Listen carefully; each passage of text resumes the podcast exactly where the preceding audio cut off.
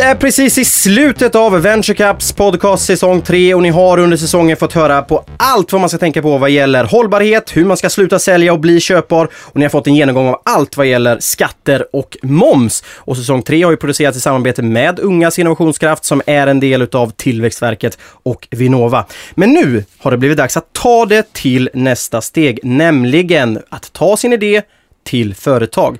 Och i dagens program har vi inga mindre än Teresa Kjellberg från Bolagsverket och Niklas Larsson på Tillväxtverket. Välkomna hit! Tack så mycket. Tackar, tackar. Känns det bara bra att vara här? Ja, det känns jättebra. Ja, men det känns, eh, ja, det känns bra. Ja. Är ni Ja. nervösa? Ja, lite är jag. Ja. Ja, det är lite, men det är ett mysigt rum här tycker jag ändå med böckerna här ni har. Det Ja. ser trevligt ut. En trevlig studio. Ja, precis. Mm. Mycket, Som Cups mycket, podcast mycket. spelas Det är bra, det gillar vi. Ska vi börja då med avsnittets titel? Den heter Från idé till företag. Ska vi, ska vi på något sätt börja där? Hur, hur ska man göra? Hur gör man när man ska ta sin idé till företag? Mm. Ja, det är en väldigt stor fråga Ja. kan man ju säga och ganska bred där, så vi får börja liksom brodera lite grann i, Ja. i, i hela begreppet så att säga. Men eh, inledningsvis skulle jag vilja nästan dra en parallell till eh, vad jag brukar prata om, eh, att när du ska ut och resa. För hur gör man när du ska boka en resa? Vi säger att du får en tanke kring att ja, men nu, nu ska jag ta semester, jag ska åka till det här stället. Och vi kan låtsas att det är en plats som du inte har besökt tidigare då. ett, ett, ett ganska okänt land. Anders, hur gör du? Vad tänker du? Ja, först måste jag ju på något sätt eh, måste ju, eh, ta reda på hur jag ska åka dit, tänker jag. Jag måste ju boka eh, om jag ska flyga, flygbiljetter, jag måste kanske ha ett hotell att bo på. Jag kanske, jag kanske ändå vill göra någonting i den här staden, tänker jag. Precis, alltså det är lite exakt det du, det du nämnde där. Det är ju i- egentligen att det man gör då för att ta reda på det, det är att du helt enkelt samlar in information på ett eller annat sätt. Oftast när vi pratar resa kanske det är via internet, du söker lite grann information där. Du pratar med vänner, bekanta som har varit på den här platsen eller gjort den här resan tidigare. Eller någon typ av expert, kanske någon, eh, vad ska jag säga, resebyrå eller så vidare. Och det- det är lite samma sak tycker jag med, med företagande, det vill säga vad är saker som är måste, alltså sådana så här måste-saker. Som, som du nämnde där med flyget, det är ju ett måste för att komma till den här platsen. Kanske även ett boende första natten så att det inte stökar allt för mycket. Och vad är bra att känna till? Ja, men den här stranden är bra, de här restaurangerna i det här området är bra. Lite samma sak med företagsstarten. Att det finns vissa så här måste-saker som är bra att känna till. Det finns vissa bör eller bra att känna till saker. Och där tänker jag att lite utgångspunkten, att det är ganska bra att ha det mindsetet eh, när man ska, när vi ska prata om den här eh, resan man ska göra då, från sin idé till, till just ett företag då. I mitt huvud är jag ju på väg till Sydney nu på något Ja, sätt. Det det- det land kul. långt bort, en stad, en stor stad med stränder. Det finns både Yes. Mm. stad och strand på något sätt. Eh, men men vad, vilka är de här, vilka, om man ska liksom så översätta resan Mm. och flygresan och hotellet till företaget då? Vilka, vad, vad, liksom, vad är de viktigaste sakerna? Precis. Nej men kontentan blir någonstans att det jag tycker man, precis som du tänker nu, du tänker Sydney direkt, du är ganska spot on. Eh, går till företagsvärlden nu, då kanske man har en, en ganska god tanke lite grann vad man vill göra för någonting. Ja men det är det här som är min idé. Eh, och så kommer alla de här tankarna, ja men hur ska jag gå vidare, vad, vad är det som gäller för mig? Så att jag brukar säga, formulera din idé. Alltså man börjar helt enkelt att skriva ner, vad är det för någonting jag faktiskt vill göra här nu? Och formulera din idé, hur så översätter man det? Ja, rent eh, företagsmässigt så använder man ju språket, språktermen då, eh, en affärsplan. Ganska vanligt så här. Och då kan ju folk säga till mig, eh, personer som jag pratar med, ja men Niklas, det här affärsplan, det låter väldigt eh, omfattande och svårt och, och jag är ingen ekonom och så vidare. Va? Men, men jag menar på att formulera din idé, det kan ju vara att man börjar skriva på en servett. Man sitter på restaurangen och börjar helt enkelt skriva ner, vad är det för några beståndsdelar faktiskt i det här? Eh, det handlar om en restaurang eller eh, konsultverksamhet eller vad, det- vad än det kan vara. Eller på ett papper då. Men affärsplan är ju så att säga ett, ett sätt, ett språk för att sen kunna kommunicera din idé med andra då, utifrån bank och så vidare. Och eh, myndigheter och så vidare. Så att, eh, jag tänkte vi kan prata lite grann om, om, om just begreppet affärsplan. Eh, för det tycker jag är ganska centralt, eh, en liten nyckel för att komma vidare då i, i det här programmets titel. Ja, eh, affärsplan. Jag vet, de som känner till Venture Cup sen tidigare vet ju att eh, Venture Cup, eh, där tävlar man med just en affärsplan. Men ska vi bara lite snabbt reda ut, vad är affärsplanen? Mm. Affärsplanen... Hur gör man det snabbt förresten? Just det, precis. Ja, men det är så här eh, i alla fall. Nej, men eh, lite grann, och det här, kan, det här vet väl säkert de flesta lyssnare också, att, att det är ju egentligen att formulera ner sin, vad är affärsidén, alltså vad är det för någonting du ska sälja? Och till vem och hur? Det är de stora frågorna. Och sen kan man bryta ner eh, det här i oerhört många avdelningar och avsnitt. Då. Eh, till exempel om man behöver tillstånd eller om det är andra delar i verksamheten här som eh, kring marknadsföring och nätverk. Alltså finns, man, kan, man kan sätta upp en hel del rubriker för vad som gäller för just din idé. Och, och här vill jag ju slå ett slag då för just för verksamt.se för där finns det ju en, en mall för det här. Eh, man måste logga in då på mina sidor och då har man ett, en e-legitimation från sin bank. Och eh, jag brukar säga att den är ganska omfattande, det, det verktyget. Det är liksom en mall. Men man får ju lite, lite stöttning där i vilka rubriker som är de ganska vanliga så att säga. Och så kan man börja titta på dem och, och se vilka är aktuella för mig helt enkelt och min, min idé. Jag noterade tre frågor där. Vad ska jag sälja? Till vem ska jag sälja? Och hur ska Mm. jag sälja det? Mm. Eh, har vi liksom summerat eh, väldigt snabbt då en eh, väldigt kort en affärsplan? Ja, i, i, i, i kort kan man säga. Sen vill jag göra ett tillägg, men det, det, jag ska känna nu är jag riktigt här i stimmet här. Eh, det är att, att koppla det här då till, återigen det här resexemplet. Du har allt det här, du har, du har svarat på några av de här frågorna. Då kommer det ju alltid den här, ja men vad kommer det kosta? Så att jag tycker affärsplan är alltid alltså, synonymt med att du även gör någon typ av budget. Det vill säga, vad kommer det kosta det här då? Du svarar på de här eh, tre frågorna och så sen börjar man knåla på det.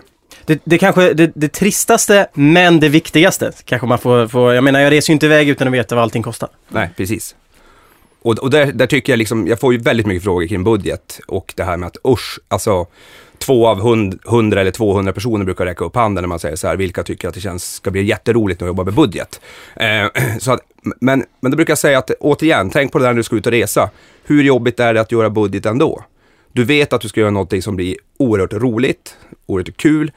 Och då sitter man oftast där och bara summerar ihop de här delarna. Och så gör man en budget för de här äh, mera mjuka. Köpa glass och andra saker va, som är lite kul. Försök få samma mentala inställning när det kommer till budget. Liksom den mentala ingången, att det här är ju faktiskt nödvändigt för att kunna göra allt det här roliga som ändå att starta ett företag ska vara, helt enkelt. Nu när vi är inne på massa metaforer som Ja. vi ändå som vi pratar i här med att resa. Så där, jag vet att i, i säsong två av podcasten så, så intervjuade Per Holknekt som har grundat Odd Molly. Och han jämförde det med att skriva, han, som han gjorde när han startade ett bolag, att skriva ett recept. Och sen så, så här, vad behöver jag för att göra det här bolaget? Och är, det, är det samma tänk? Bara så att jag kan bena ut det här. Absolut, alltså jag tycker att, och det här är ju så individuellt hur man gör det, men det viktiga tycker jag är hela tiden kärnan, att hitta ett sätt som är bra för just dig. Skriv ner om det är att använda den här mallen, eller att jobba ungefär med, med metafor eller tänk ungefär som att jag ska göra ett recept. Vad är det för någonting för att jag ska få till den här äh, härliga middagen då, säger vi, och det här härliga företaget då, och få det att, att bli riktigt bra. Så att hitta ett sätt som, som är man ska inte pressa sig och känna att oj, jag känner att jag, jag mäktar inte med det här, det här blir bara på konstlat, utan det som är nära till en själv på något sätt. Men att det ändå sammanfattar ner de här tankarna. För att ofta så går man och funderar och så kommer helgen och man är väldigt kreativ och så kommer måndagen, då har man tappat många av de här tankarna, kanske känner att det var, ah, det var lite dumt det där eh, jag hade i fredags. Men har man skrivit ner det då, så ser man, ja ah, just det, var det jag sa där, ja men det är inte så tokigt faktiskt. Och så kan man börja med det där hur då exempelvis. Så att det är ett systematiserat sätt att jobba sig framåt på den här resan helt enkelt, den här mentala resan man måste göra. Eh, så att man, man går med den här energin, att hitta ett sätt att ventilera ut den och börja formulera ner det. Så att du får lite distans till din idé. Det tycker jag är, det är kärnan. Sen hur man gör det, det, det är väldigt individuellt. Men eh, bara metoden tycker jag är, är viktigare än vad man, vad man kan eh, tro faktiskt. Du Niklas pratade om, om affärsplan. Om vi går över till Teresa, just vad gäller att formulera sin idé. V- vad är det Bolagsverket tittar på där? Ja, men när man väl kommer till Bolagsverket så har man oftast klar med den formuleringen av sin idé. Det är man, den biten är man förhoppningsvis klar med när man ska registrera sitt företag hos oss. Ehm, den gången vi möter på själva idén, det är ju när de ska beskriva vilken verksamhet de ska ha i företaget. Ehm, så där träffar vi på det de skriver ner. Och då tar de ju oftast ganska stora delar av det de har skrivit i affärsplanen och lägger över det i verksamheten. Så det är där vi tittar på, på den biten då. Spelar det någon roll vad man skriver där? Och, hur, och liksom, Ja men, man... ja men absolut, det gör det. För Mm. det får inte vara mm, får inte vara för brett, för vi måste kunna förstå liksom, vad gör de? Man kan inte bara skriva konsult till exempel, för då vet inte vi inom vilken bransch. Och det hänger ihop lite grann med företagsnamnet, för att man skyddar namnet inom en viss bransch. Så att där tittar vi lite så, men annars så bryr vi oss inte så himla mycket om vad man gör. Ska man, ska man tänka lite mer kanske pitchformer när man ska skriva vad, man, vad verksamheten ska, ska beskriva sin verksamhet? Eller är det, eller är det helt fritt? eh, Ja, det är det. Alltså, Ja. Vi får ju in verksamhetsbeskrivningar som består av fem A4 ibland. Ja. Och då är det ju bara att sätta sig och skriva ner den verksamheten. Som, och en, del, en del skriver frisör, punkt. Mm. Så där tog, liksom, det kan Mm. vara alla. Så att det är väldigt, väldigt olika och det finns ingen begränsning egentligen hur mycket eller hur lite man får skriva. Är det bättre att skriva mycket eller mindre? Ja, det, det, ja, för mig som jobbar på Bolagsverket är det lättare om man skriver mindre. Ja. Nej då, men ehm, ehm, jag Det brukar kanske säga... bara man förklarar vad man gör. Ja, absolut. Och sen så brukar jag säga det att skriv det du ska göra. Och sen får man väl utöka om man gör någonting, kommer på några mer saker man vill göra efteråt. Så kan man ju alltid ändra och utöka sin verksamhet. Om, om, vi, om vi, vi, vi säger att vi har skrivit vår affärsplan, eller det kanske är under arbetet vi skriver affärsplanen, Hur vet man, hur vet man att det jag kommer kanske vill starta företag kring eh, är rätt? Hur vet jag att jag faktiskt kommer kunna driva det här? Eller hur, hur, hur ska man tänka där? Och det tycker jag, och det är lite svaret på frågan, eller som du pratade med Teresa här, äh, kring, kring hur mycket ska man skriva och, och vad är rätt och så vidare och ni kanske måste komplettera och sådana här bitar.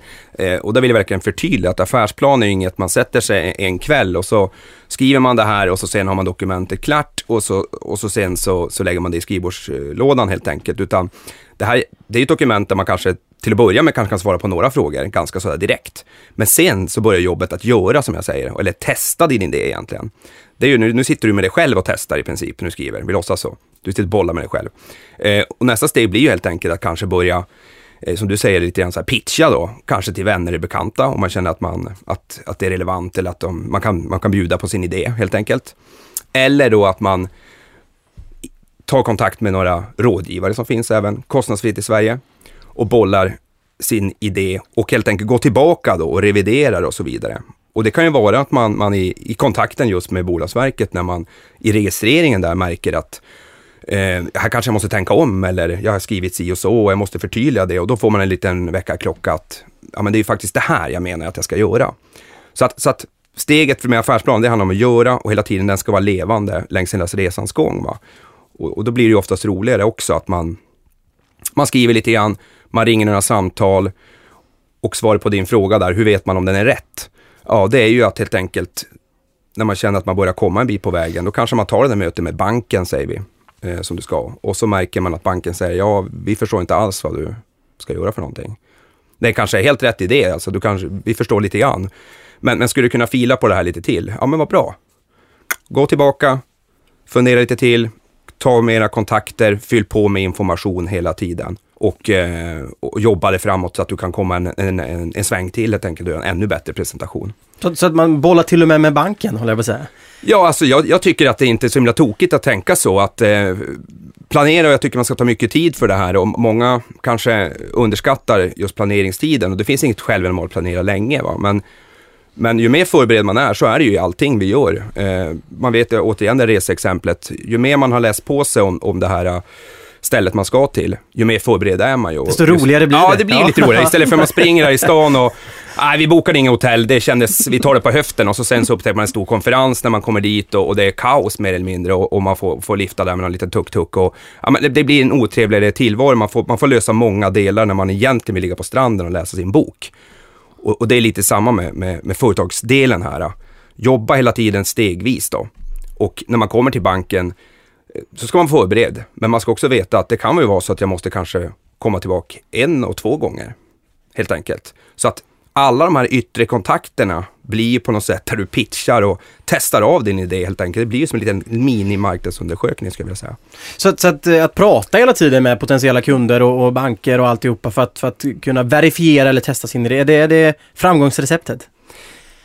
Alltså jag brukar säga, och må- många kontakter när jag pratar med någon som startar företag och framförallt om man går in i en bransch där man kanske inte kan så mycket om, om just branschen, prissättning, eh, hur fungerar det med betalningsvillkor etc. etc.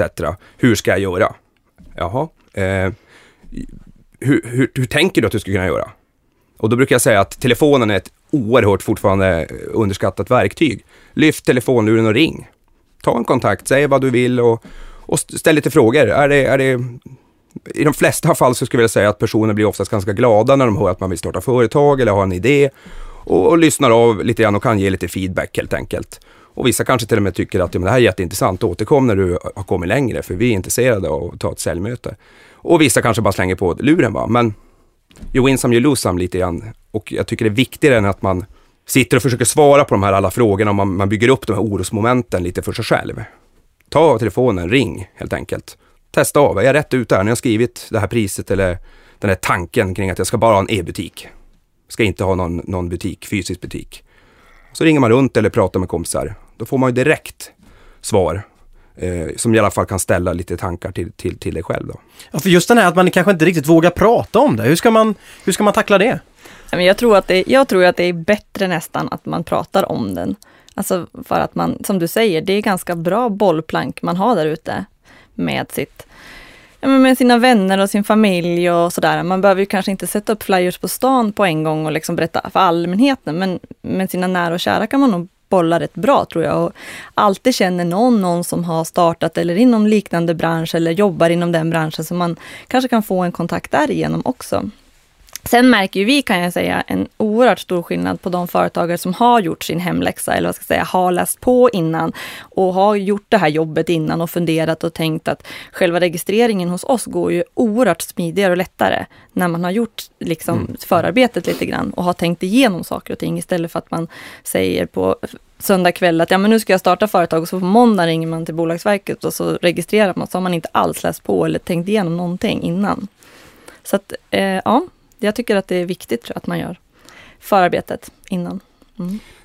Nej, men sen tror jag också lite grann den, jag har ju själv också startat företag och alltså, de kontakter jag har med de som startar just företag och är i den här fasen så, och även våra studier visar, jag hade entreprenörskapsbarometern som kom ut, en stor studie som, där man ringer till allmänheten och frågar, ställer frågor kring företagande. Så ser man ju att eh, nästan 50 procent av svenska befolkningen på ett eller annat sätt skulle jätte gärna vilja vara egenföretagare helt enkelt. Sen så är ju inte alla det, men det finns en attityd, alltså en, en glädje i att, att, tycker jag, att folk blir oftast väldigt positivt mm. inställda till när man kommer och säger att jag funderar på att starta företag, snarare än tvärtom. Mm. För att väldigt många går just med de här tankarna, men kanske inte riktigt kommer då hela vägen. Eller att man känner att man kanske har en, hittat någon bra idé som är tillräckligt bra då. Så, så att eh, Ja, jag håller med dig Therese. Jag tycker hellre, och det gäller även oss myndigheter, hellre en kontakt för mycket. Mm, absolut. Det finns ingenting att vara rädd för. Ta ring eller mejla eller ta kontakt och, och, och, och ligg på. Så behöver man inte berätta hela idén om den är lite hemlig sådär, men essensen av det hela. Jag tycker det stärker en och det, det förbereder en till de riktiga säljmötena eh, med kunderna också. Att man, man har fått svara på lite kanske, ibland lite trixiga frågor. Eh, så att man, man har svar på tal helt enkelt. Jag har skrivit ner här affärsplan, eh, ett, steg ett. Eh, två också, i, i, våga prata om din idé. Har jag summerat hittills ganska bra? Mm. Ja. Sen då? Vi, vi pratade att det var rätt för marknaden, det kanske man inte riktigt kan veta att det här är precis rätt för marknaden, men man kanske får indikationer, man kanske ändå känner att jo men det här skulle kunna funka. Vad är nästa steg? Ja, alltså jag tycker väl att har man kommit så pass långt att man har formulerat sin affärsplan och man har känt, känner och kollat med sina nära och kära och sådär att man, ja men det här vill jag nog köra på och det här känns rätt för mig och det är någonting som jag vill jobba på. Då tycker jag väl att då kan man kontakta Bolagsverket, absolut, och, och börja lyssna med oss lite grann och börja fundera på vad, vad behöver jag göra gentemot Bolagsverket och, och sådär och vad gäller och vilken företagsform ska jag välja och lite sådana saker. Och, så det tycker jag väl är ett ganska bra steg att ta då. Nästa steget, det är egentligen att kan man säga, åka till flygplatsen då? Ja. ja mot resan. Ja. Precis. Jag håller kvar en metafor. packa eh, väskorna liksom. Språket. Väskan är packad och klar. Ja. Men du ställer frågan själv, vad behöver man göra gentemot Bolagsverket? Mm. Eh, man måste börja med att fundera på, för att man, på Bolagsverket ska man ju registrera sitt företag och då ska man ju ha tänkt fram vilken företagsform man ska ha. Och nu är det så här att alla företagsformer förutom enskild firma är man skyldig att registrera hos Bolagsverket. En enskild firma kan du bara, om du vill, registrera hos Skatteverket också, bara. Men vill du skydda ett namn på den här enskilda firman så måste du även registrera den hos oss på Bolagsverket. Men alla andra företagsformer ska registreras hos oss. Och då måste du börja fundera på vilken företagsform ska jag ha? Um, och där är det ju lite grann att du måste titta på dina egna förutsättningar. Vad Eh, hur, hur, många, hur många är jag tänkte jag säga. hur många är vi? Är jag... Ibland kan det kännas så. ja, man skulle vilja kunna dela på sig. Nej men är jag själv eller är vi flera som ska starta tillsammans? Ibland kan det vara så att man är själv från början men att man kanske har börjat prata med folk och känner att det är fler som vill haka på eller man startar tillsammans. Ja, men då, då är man flera. Så att det måste man titta på. Sen måste man ju även titta på är jag, har jag kapital? För att starta ett aktiebolag krävs det 50 000. Så då måste man ju ha möjlighet att antingen låna de pengarna av banken eller ha någon typ av tillgångar som, man, som är värda 50 000 för att kunna starta aktiebolag. Så det är lite sådana grejer man måste titta på när man väljer företagsform.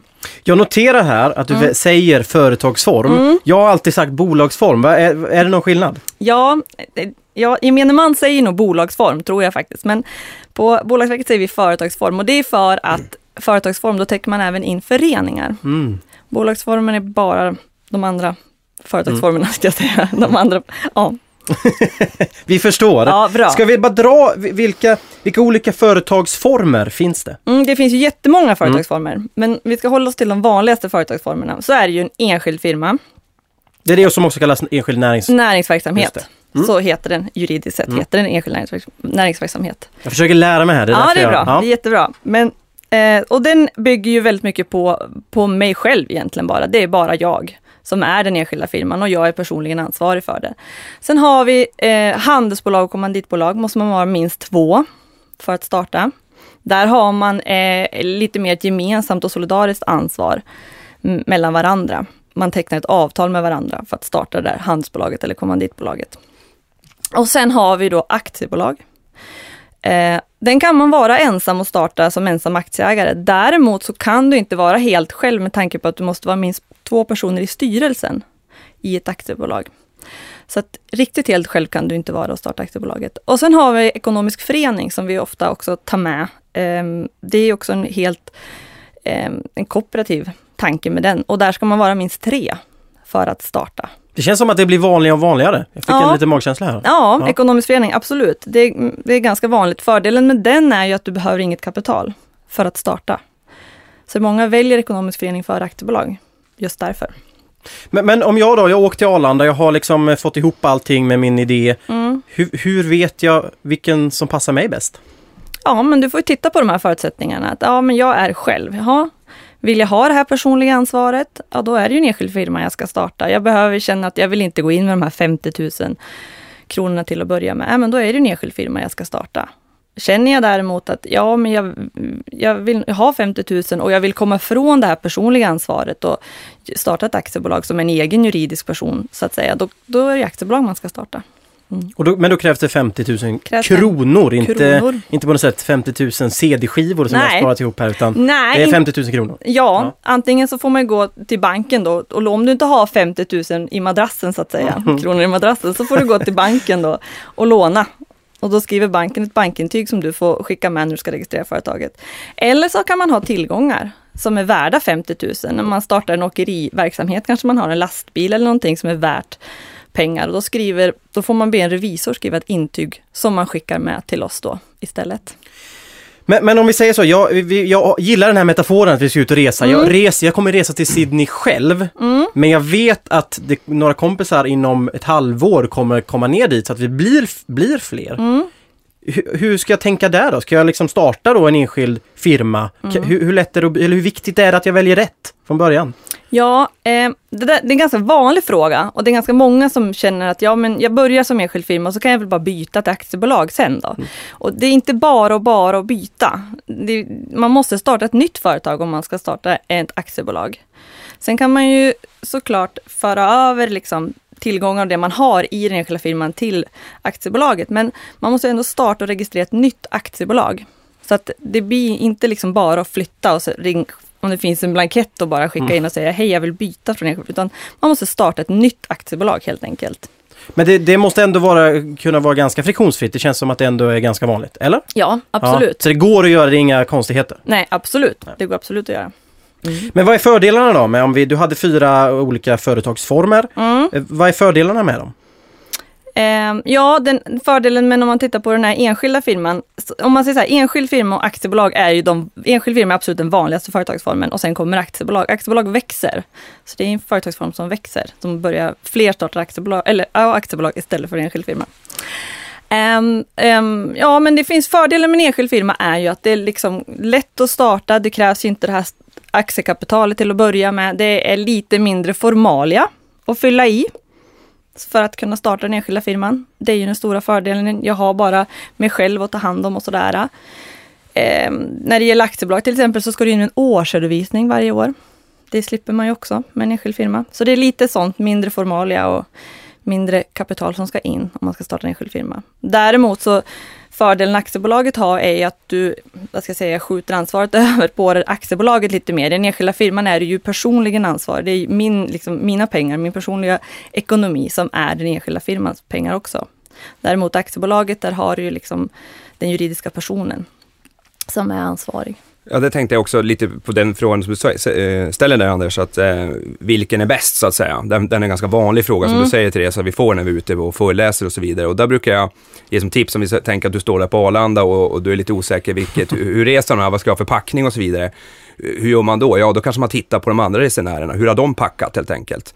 Lite samma sak med företagssidan där. Ja. Eh, jag ska starta en kaféverksamhet. Eh, vilken ska jag välja? Jag står och vacklar med en aktiebolag här och en enskild näringsverksamhet. Ja, men när du går på stan nästa gång, titta då och så ser du, ja men här har jag hittat fem kaféer som är motsvarande det jag vill starta. Då är det ganska enkelt att titta och helt enkelt söka upp dem, alltså på internet eller på annat sätt och, och se, men vad har de för företagsform? Ja okej, det är aktiebolag eller är det enskild, det kanske är handelsbolag, ja, det verkar inte spela någon roll. Så att man kan, man kan helt enkelt ta, kika lite grann på, på motsvarande det du vill starta. Eh, ta inspiration helt enkelt från andra. Vi har ju på Verksamt massa case också där man kan se i olika branscher vilka som har startat olika företag eh, och, och vilken företagsform de har valt. Då. Så att, eh, lyft blicken och titta lite grann, titta runt omkring det där så tycker jag man får en ganska bra fingervisning också. Mm, absolut.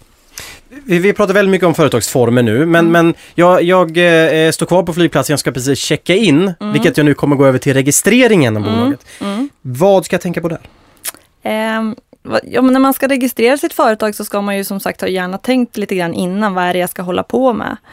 Eh, sen är en ganska stor del av våran del är ju själva registreringen av företagsnamnet. Och då tycker jag att det är väldigt bra att man har läst på lite grann vad som gäller runt företagsnamnet.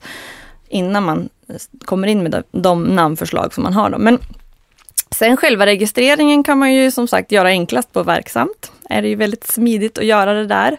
Eh, och där man ja, bara fyller i det man vill göra och vilka som ska vara med och lite sådana saker då. Mm. Och bolagsnamnet då? Mm. Det har jag massa frågor. Ja. ja. Fråga på. Ja, men vad, vad, kan, kan jag välja vilket som helst? Nej. Det lät inte så på det nämligen. Nej, det kan du inte riktigt Nej. göra. När, vi, när man skickar in sin ansökan till oss så får man ju komma in med namnförslag. Och det kan man, ju, man kan komma in med ett och man kan komma in med 1000 namnförslag om man vill på en gång. Liksom. Det, det finns ingen gräns där. Eh, det vi gör är ju då att vi börjar en ganska gedigen granskning på det här företagsnamnet som du har sökt. Och vi tittar egentligen, det finns egentligen tre steg. Vi tittar först på om namnet som du har sökt, om det är särskiljande som vi kallar det då. Och det är att namnet inte är rent verksamhetsbeskrivande. Du får inte heta bara Bilverkstad AB. Därför att det måste få finnas fler bilverkstad i här. Så att det får inte bara, men det är väldigt vanligt. Det är kanske väldigt vanligt att folk kommer in och bara heter Bagaren AB. Och Får, det heta Anders bilverkstad? Ja, det Okej. går jättebra. mm. Mm. För då gör du ditt företagsnamn unikt. Det är det första vi tittar på. Det är det här särskiljande, att det ska vara särskiljande. Sen nummer två så tittar vi ju såklart, finns det andra företag? Och vi tittar ju även gentemot varumärken. Finns det varumärken som är liknande eller likadant som det du har sökt? Ja, men då blir det hinder för din, ditt namnförslag. Och sen det tredje är lite sådana här speciella eh, registreringshinder som finns. Ja, men det får inte vara stötande företagsnamnet som du söker. Det får, vi tittar upphovsrättsliga skydd finns ju i Sverige som man måste titta på. Eh, ja, lite sådana små saker tittar vi också på. Då. Mm. Men hur är det då med exempelvis eh, ett, ett företagsnamn som Spotify? Mm. När, man hör, när man inte visste vad det var, då hade man ingen aning om att det hade med det att göra. Nej. Det var ju liksom out of the blue det namnet. Ja, Är det okej? absolut. Ja. Vi gillar ju Alltså fantasiord gillar vi på Bolagsverket. Så det, det är lite så här, jag brukar säga det på starta företag-dagarna, att man liksom, det, vi springer i korridorerna på Bolagsverket när någon har kommit på något riktigt fyndigt namn, där blir vi jätteglada. Det låter som ett drömjobb att läsa alla de här bolags... ja, det är väldigt namnen. roligt faktiskt. Ja. Ja. Men, men eh, det är de tre stegen man ska tänka på eh, Ja. egentligen. när man- Och, och, och hur viktigt är bolagsnamnet då? Kan jag liksom välja ett namn där och sen så utåt kalla mig ett helt annat? Mm, det är klart att du kan, Ja. mm, men du får ju genom att du registrerar ditt företagsnamn hos oss, och där har man också en skillnad beroende på vilken företagsform du väljer. För om du startar en enskild firma så får du bara skydd för ditt företagsnamn i det län där du bedriver din verksamhet. Däremot aktiebolag, då får du ett skydd för ditt företagsnamn i hela Sverige. Så det kan också vara en aspekt att väga in när man väljer företagsform. Men eh, eh, registrerar du ditt företagsnamn och, och så att säga, då har du ett skydd, då har ju du din, din, liksom, den rätts, rätt, rättigheten till det här företagsnamnet. Hittar du bara på ett namn och sätter upp på en skylt, ja men då finns ju risken att det kan finnas ett annat företag som har, har skydd, skyddat det här namnet redan innan, eller ett varumärke, och det kan ju både vara internationella och nationella varumärken. Och då kan man ju i värsta fall bli stämd för namnintrång. Kan man säga att vi, vi är redo för att lyfta? Jag skulle vilja pausa där innan lyftet. Ja.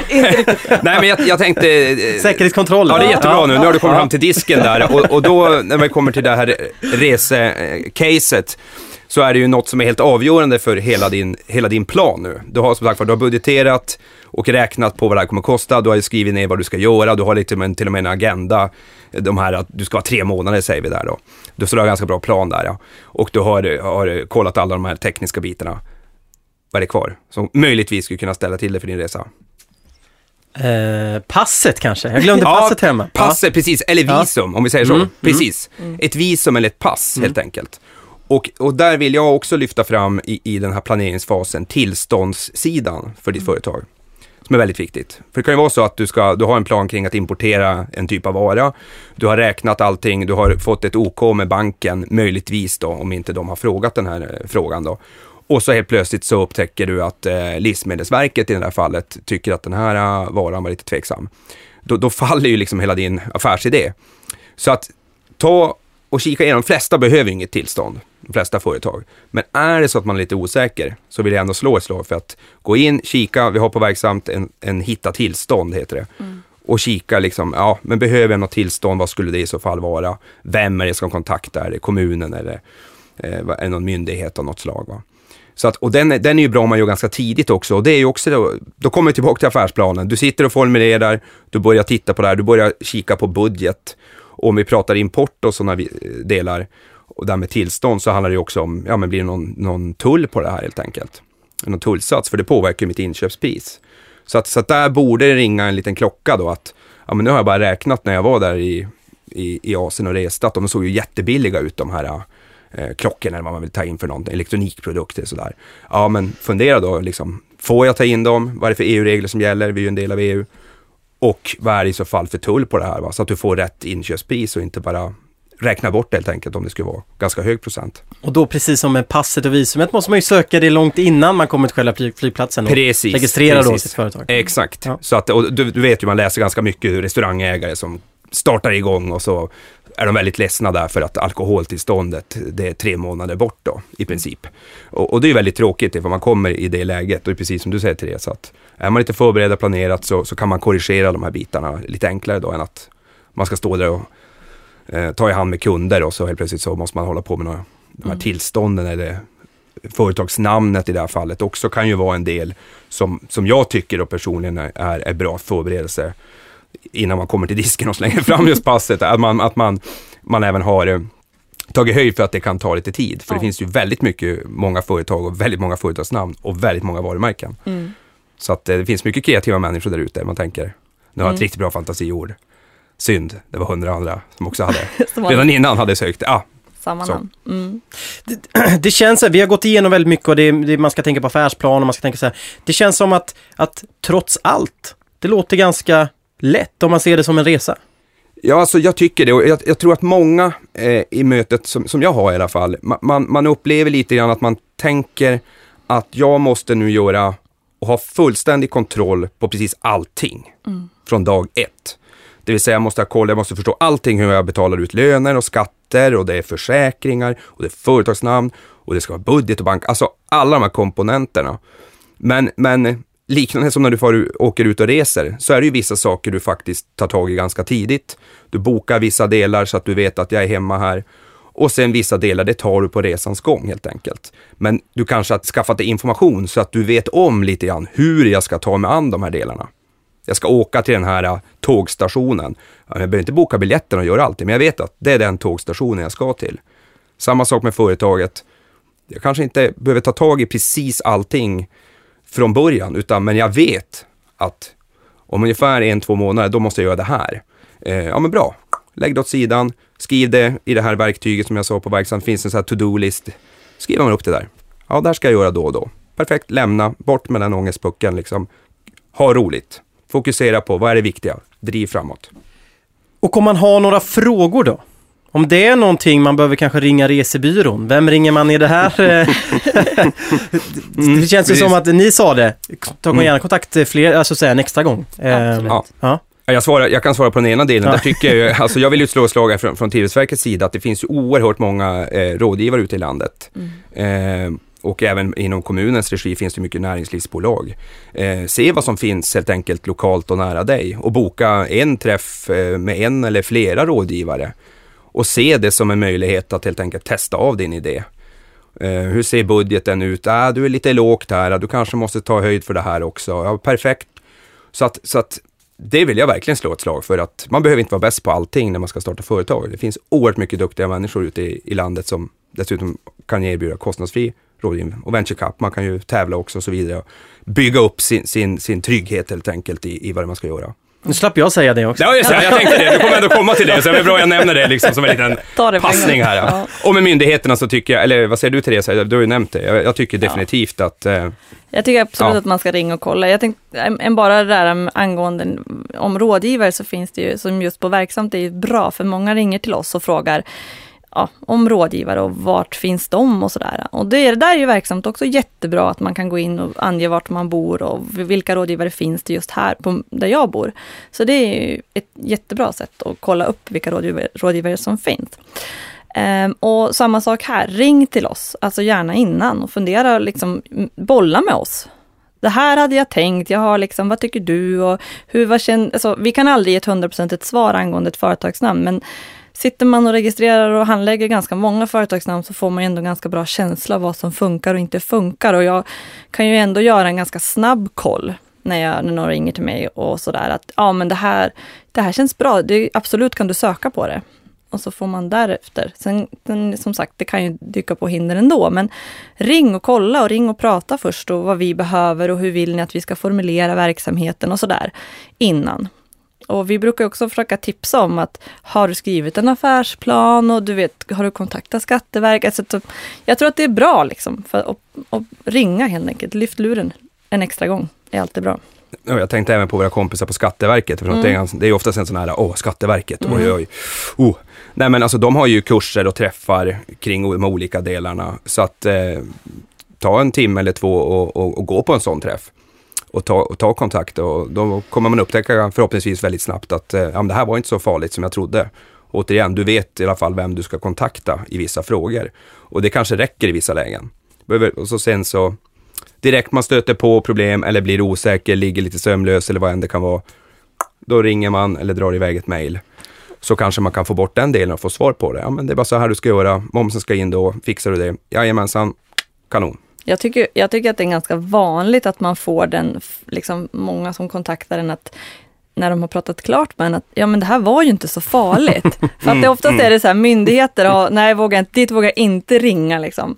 Och sen när man har pratat klart med en så bara, men det här var ju riktigt bra liksom. Det här var inte farligt och jag förstår vad hon där på myndigheten pratar om. För det tror jag många känner att det, de vågar inte ringa, varken om man tittar på Skatteverket eller Bolagsverket för att det är mycket krångligt liksom, språk vi använder och sådär. Och, men jag tycker ofta att de, när man väl har pratat klart med dem, så är de ganska nöjda och tycker att det var inte så farligt och kan klappa sig själv på axeln och känna att ja, men nu har jag pratat med en myndighet och det gick bra. Då kanske jag vågar prata med nästa myndighet också. Det låter kanske som ett eh, Bullen-mantra för de äldre lyssnarna, men våga fråga. Ja. Är det ett bra Ja. tips som vi kan Absolut. avsluta med? Absolut. Ja, jag, jag tycker det och jag tycker att eh, för att avrunda någonstans hela, hela den här biten så ty tycker jag, när vi pratar planera, alltså eller det här hela tänket kring att få, formulera ner och jobba dig igenom hela den här tanken du har och börja, jag ser det som en pelare någonstans. Först har jag jättemycket osäkerhet, jag vet vad jag vill men jag har mycket osäkerhet i det här runt omkring delarna. Och så drar man ner det genom att man bockar av. Mm. Och, och, där tycker jag att, när vi pratar just budget och kanske finansiering och de här bitarna, eh, budgetera för tid helt enkelt. Det är ett ganska klassiskt så här, eh, dilemma som jag ser att många gör. Va? Att man, ja men jag tar ganska mycket höjd, kanske budgetmässigt kostnader. Ja, det är ju bra. Men ta även tid, alltså se, fundera igenom just tiden. Ju, ju svårare resa du ska göra så vet du om du ska eh, bort till någon eh, grannstad här, då kan du boka i princip simultant. Du hoppar bara på tåget. Men ska du längre bort, göra den här tre månaders resan till Sydney säger vi, då kanske du planerar för den i nästan ett halvår. Så att försök att hitta de här små metaforerna eller tankarna som, som associeras till dig. Då tror jag att det kommer bli roligt på den här resan. Det är det som är tanken. Det ska vara mm. kul. Absolut. Och det ska vara fokus till, till, att man upptäcker att ja, men det här ska jag verkligen göra. Eller man kanske till och med kommer på att nej, det här kanske inte var så bra. Ja, men då gör man, alltså lite så. Men förhoppningsvis så tycker vi att det kommer gå bra. Mm. Och så tar man sin idé till företag. Teresa Kjellberg från Bolagsverket och Niklas Larsson på Tillväxtverket. Tack så jättemycket för att ni kom hit. Tack. Tackar. Och tack så mycket för att ni där har lyssnat eh, på Venturecaps podcast eh, och ni har hittat den på Venturecaps hemsida, venturecap.se podcast. Den finns på verksam.se. Den finns också på Spotify, på iTunes och för Android, på alla ställen. Jag, Anders Nyberg, tackar för mig och tackar också er att ni kom. Tackar.